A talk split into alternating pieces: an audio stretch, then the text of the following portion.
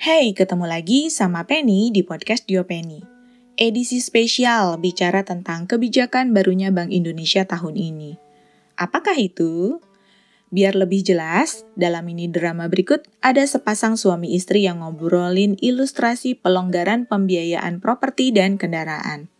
Insya Allah informasinya akurat karena bersumber langsung dari Bank Indonesia. Jelas, informasinya original dong, bukan bajakan.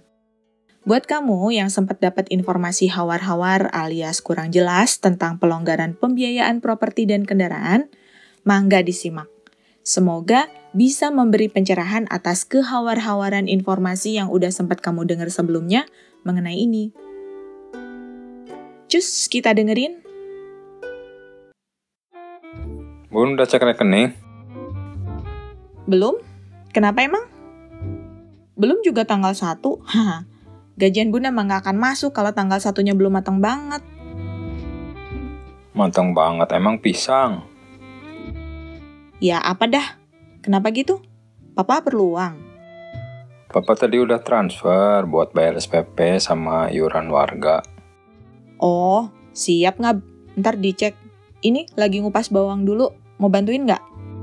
Enggak.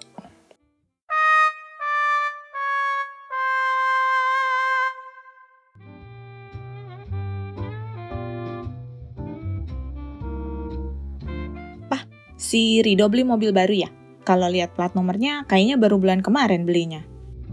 Iya. Kita perlu beli mobil juga kali, Pak. Biar gampil pakai tanda petik dua kalau mau nengok emak di Garut selama masa pandemi gini.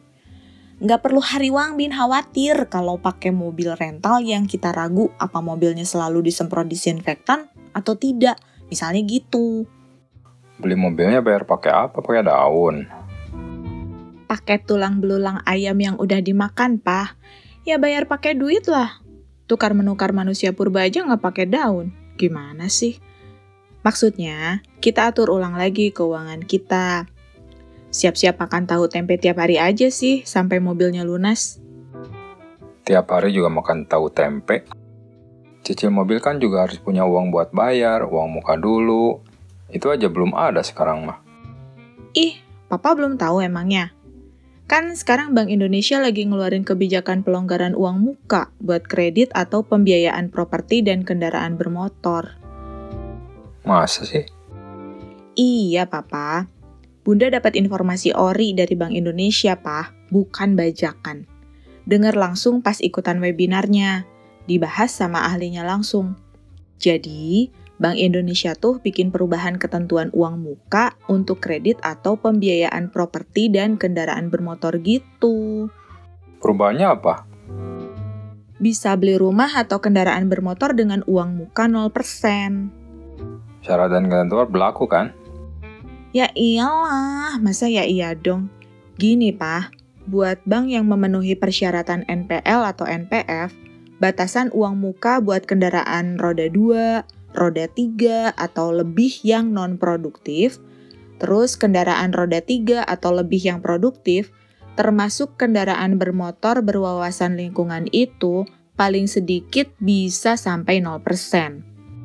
NPL, NPF. NPL itu non-performing loan. NPF itu non-performing financing. Bank yang memenuhi persyaratan NPL atau NPF artinya rasio kredit atau pembiayaan bermasalah di bank itu secara bruto kurang dari 5%. Alias, performa banknya aman. Debiturnya baik-baik karena pada lancar bayar. Berarti kalau kredit mobilnya nggak di bank yang nggak memenuhi persyaratan NPL sama NPF, nggak bisa dong? Tetap bisa, kalau ada bank yang ngasih fasilitas pembayaran properti atau kendaraan bermotor, tapi bank itu nggak memenuhi persyaratan NPL atau NPF, tetap ada pelonggaran uang mukanya juga. Kendaraan roda 2 sama roda 3 yang non-produktif, uang mukanya 10%. Nah, untuk kendaraan roda 3 atau lebih yang dipakai buat kepentingan produktif, uang mukanya sekitar 5%. Ya emang nggak nol banget sih, tapi kan nggak 30% pisan kayak kalau keadaan normal. Lumayan banyak berkurangnya kan? Hmm, Oh ya, menurut Papa, bank tempat kita bayar KPR termasuk yang memenuhi persyaratan NPL NPF nggak sih? Kan bank besar, dan mereka bahkan approval pengajuan reschedule kita sampai dua kali dan sejauh ini aman-aman aja. Apa sekalian kita ajuin penyesuaian batasan rasio LTV FTV rumah kita gitu?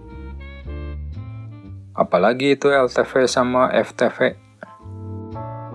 LTV itu loan to value, FTV itu financing to value. Berlaku buat kredit properti atau pembiayaan properti. Itu tuh pangsa kredit yang bisa dikasih bank untuk nilai properti yang mau dibeli. LTV FTV ini ngaruh ke pembayaran uang muka. Kalau LTV 100%, uang muka nol. Makin kecil LTV, FTV berarti makin besar uang muka yang harus dibayar, gitu. Terus, emang sekarang perubahannya apa? Perubahannya tuh menghapus ketentuan terkait kewajiban pencairan bertahap untuk kepemilikan properti yang belum tersedia secara utuh, termasuk besaran maksimum dalam pencairan bertahap kredit atau pembiayaan properti gitu. Salah satunya LTV FTV buat bank-bank yang memenuhi persyaratan NPL NPF naik jadi 100% yang bikin uang muka beli properti bisa jadi 0%. Ya itu berarti buat yang baru mau beli rumah tuh bun. Bukan buat yang cicilannya udah 10 tahun kayak rumah kita. Hehe, ya juga ya. Duh, ada nggak ya pelonggaran cicilan rumah yang udah deket-deket mau lunas biar cepet lunas? Memangnya semua bank bisa gitu kasih DP 0 asal dia memenuhi syarat NPL NPF? Hmm, menurut informasi dari pakarnya mah nggak juga sih. Itu balik ke kebijakan bank tersebut. Kalau misalnya bank tersebut bukan termasuk bank besar, walau debiturnya baik tapi modalnya secimit, kemungkinan nggak bisa menerapkan uang muka 0%. Tapi uang mukanya nggak sebesar sebelum-sebelumnya. Bisa 10 atau 15 persenan. Biar gimana kan pelonggaran ini jangan sampai bikin banknya kolaps kayak kejadian subprime mortgage tahun 2008 lalu. Ingat kan kita kena dampaknya waktu itu? Iya, akad kredit ditunda. Terus uang muka rumah jadi naik. Tapi karena kita udah nggak sanggup bayar, udah udah sepakat lunas uang muka segitu, uang mukanya dibebankan ke harga rumah. Jadi kesannya harga rumahnya yang naik. Uh, uh. Terus gara-gara kejadian itu, BI jadi melakukan pengetatan LTV. Ingat kan teman-teman kita pada ngeluh pusing mau beli rumah karena uang mukanya jadi pada gede gitu. Soalnya kalau uang muka properti rendah, kejadian subprime mortgage nggak akan selesai-selesai. Akan ada yang beli rumah bisa sampai 10. Sementara kita beli satu rumah aja penuh perjuangan. Perjuangan yang berfaedah, alhamdulillah, terharu. Nah, kalau sekarang malah dilonggarin sampai DP bisa 0%, ya kan? Kan ekonomi kolaps gara-gara COVID. Buat naikin pertumbuhan ekonomi, ada sektor-sektor yang harus didorong pertumbuhannya. Pasti udah kelihatan kalau sektor properti sama otomotif mulai bangkit, Makanya kan ada pelonggaran LTV, FTV kayak Bunda sebutin tadi. Beli rumah sama kendaraan akan lebih terjangkau buat kalangan masyarakat lebih luas. Dampaknya akan banyak tenaga kerja yang terlibat. Kontribusi ke ekonomi jadi tinggi. Bangsa ekspor juga tinggi, sektor-sektor lain yang terkait nantinya bisa ikut bangkit. Mudah-mudahan kalau semua udah bangkit, gaji kita bisa balik normal kali ya. Amin. Capek juga diskon terus gajiannya. Udah lebih dari setahun nih. Amin. Alhamdulillah masih digaji, masih bisa kerja, masih bisa makan, bayar KPR, SPP anak-anak. Iya, Alhamdulillah. Terus gimana nih? Mau beli mobil nggak? Mumpung ada pelonggaran nih. Dan cuma berlaku dari bulan Maret sampai Desember 2021 aja loh. Belum tentu tahun depan bisa begini lagi. Kesempatan belum tentu datang dua kali. Ya, sekarang masih bulan Juni, masih ada lima bulan, enam bulan lagi buat mikir dan ngatur keuangan kalau mau beli mobil. Ah, si papa mah.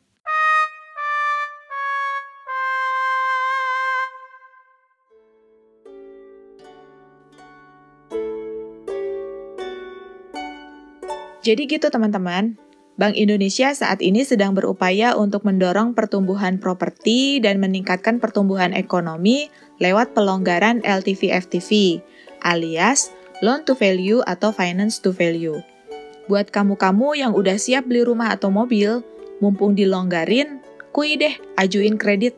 Soal approval mah balik lagi sama kebijakan banknya. Kan biasanya kinerja perbankan kita alias BI checking kita juga diperiksa kan?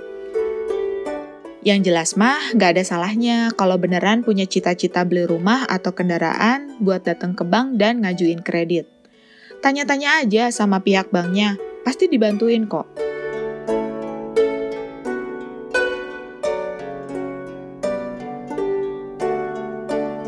Pengalaman saya waktu beli rumah tahun 2008, awalnya mulus. Bayar uang muka dicicil lima kali dari bulan Mei lunas September Pembangunan rumah dimulai dari awal Juni 2008. Kelar sekitar bulan Desember dan sempat di hold pas menjelang akad kredit nggak lama setelah pembangunan rumahnya rampung. Karena Indonesia kena dampak subprime mortgage yang kejadiannya di Amerika sana pada tahun itu. Lumayan bikin stres karena ada perubahan value juga saat itu. No worries karena saat itu pihak bank ngebantu banget kok Makanya ketika kredit pembiayaan rumah udah mulai dibuka lagi sekitar Mei 2009, saya bisa langsung akad walaupun ada nilai-nilai tambahan yang harus saya bayar saat itu.